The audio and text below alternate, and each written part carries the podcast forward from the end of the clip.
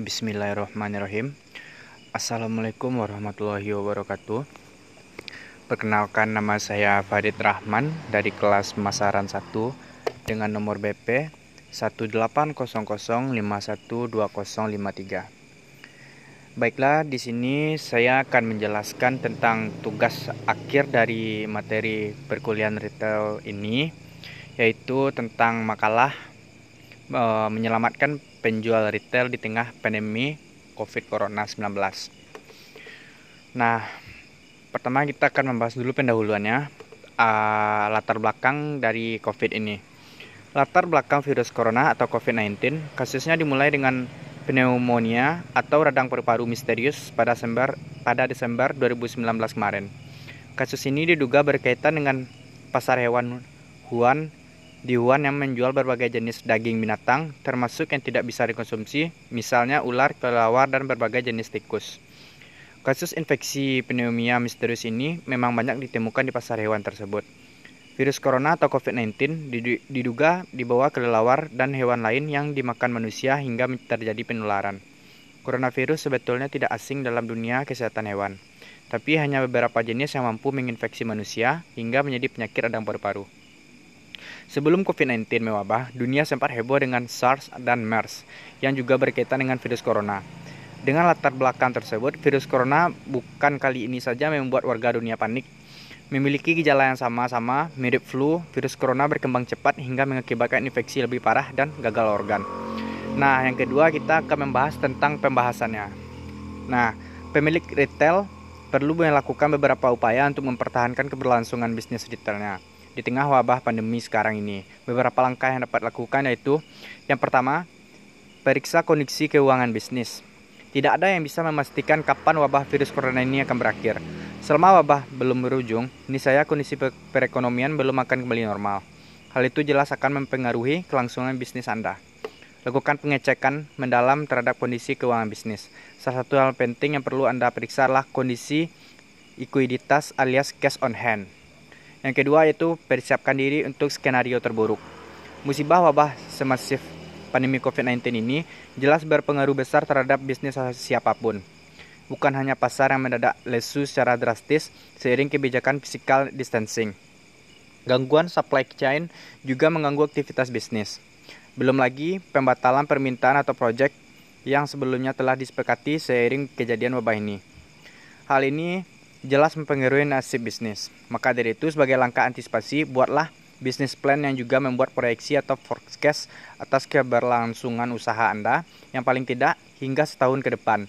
Misalnya proyeksi dari sisi pendapatan usaha, tingkat pengeluaran, kelanjutan permodalan dan sebagainya. Yang ketiga itu berhematlah. Contoh mudah yaitu Anda di bidang uh, food and bridge, kebijakan work from home membuat pembelian di tempat turun drastis. Anda bisa menekan biaya operasional dengan mengoptimalkan layanan delivery order yang tidak membutuhkan kehadiran karyawan terlalu banyak. Karena tidak melayani pembeli saat sit-in, Anda juga tak perlu menyalakan semua lampu dan mesin pendingin udara di kedai sepanjang waktu operasional. Hemat juga pemasaran dengan mengoptimalkan media sosial saja secara organik. Tunda dulu pengeluaran untuk belanja modal mengurus dana besar. Yang keempat yaitu beri pengertian pada karyawan. Krisis pandemi COVID-19 ini adalah masa penuh keprihatinan. Bila tidak berhati-hati, bisnis bisa gulung tikar dalam sekejap akibat tak kuat diterjang tsunami COVID-19. Cara mempertahankan bisnis di tengah krisis corona berikutnya adalah ajak bicara karyawan-karyawan Anda untuk turut bahu-membahu saling memperkuat diri di masa yang berat ini. Yang kelima itu genjot penjualan dengan cara paling murah. Wabah COVID-19 mengharuskan banyak orang menghindari kerumunan untuk mengerem penyebar, penyebaran virus ini. Terapkan strategi yang paling tepat agar penjualan tetap mencapai target dengan biaya murah.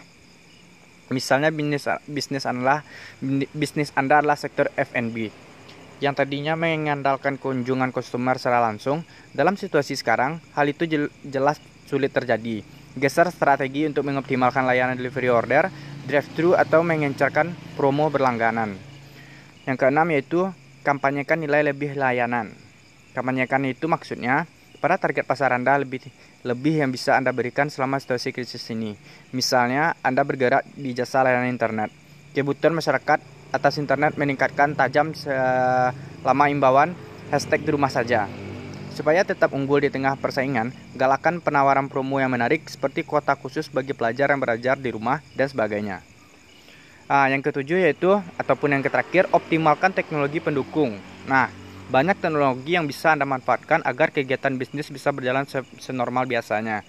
Misalnya untuk meeting dengan tim sehari-hari memanfaatkan aplikasi Zoom, begitu juga perlu berkomunikasi dengan klien. Anda bisa mengajak pemakaian video converse Converse Call. Optimalkan aplikasi Work, Dexpertix Slack atau Trello agar kerja tim tetap terpantau kapan saja. Dengan dukungan teknologi yang tepat, aktivitas kerja dan bisnis dapat Anda upayakan senormal mungkin. Nah, yang terakhir yaitu penutup.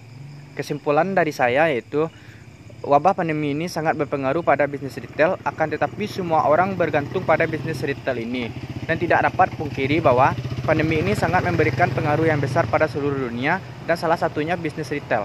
Dan semoga pemimpin yang saya sampaikan di atas dapat dijadikan sebagai referensi dan bermanfaat. Selanjutnya itu saran. E, keselamatan kesehatan merupakan hal yang utama, hal yang sangat penting saat ini dan juga selalu memperhati, memperhatikan kesehatan karyawan tentunya.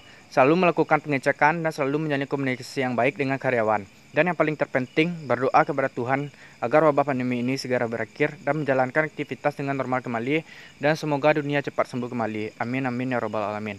Nah, sekian dulu penjelasan atau tugas akhir dari makalah saya ini.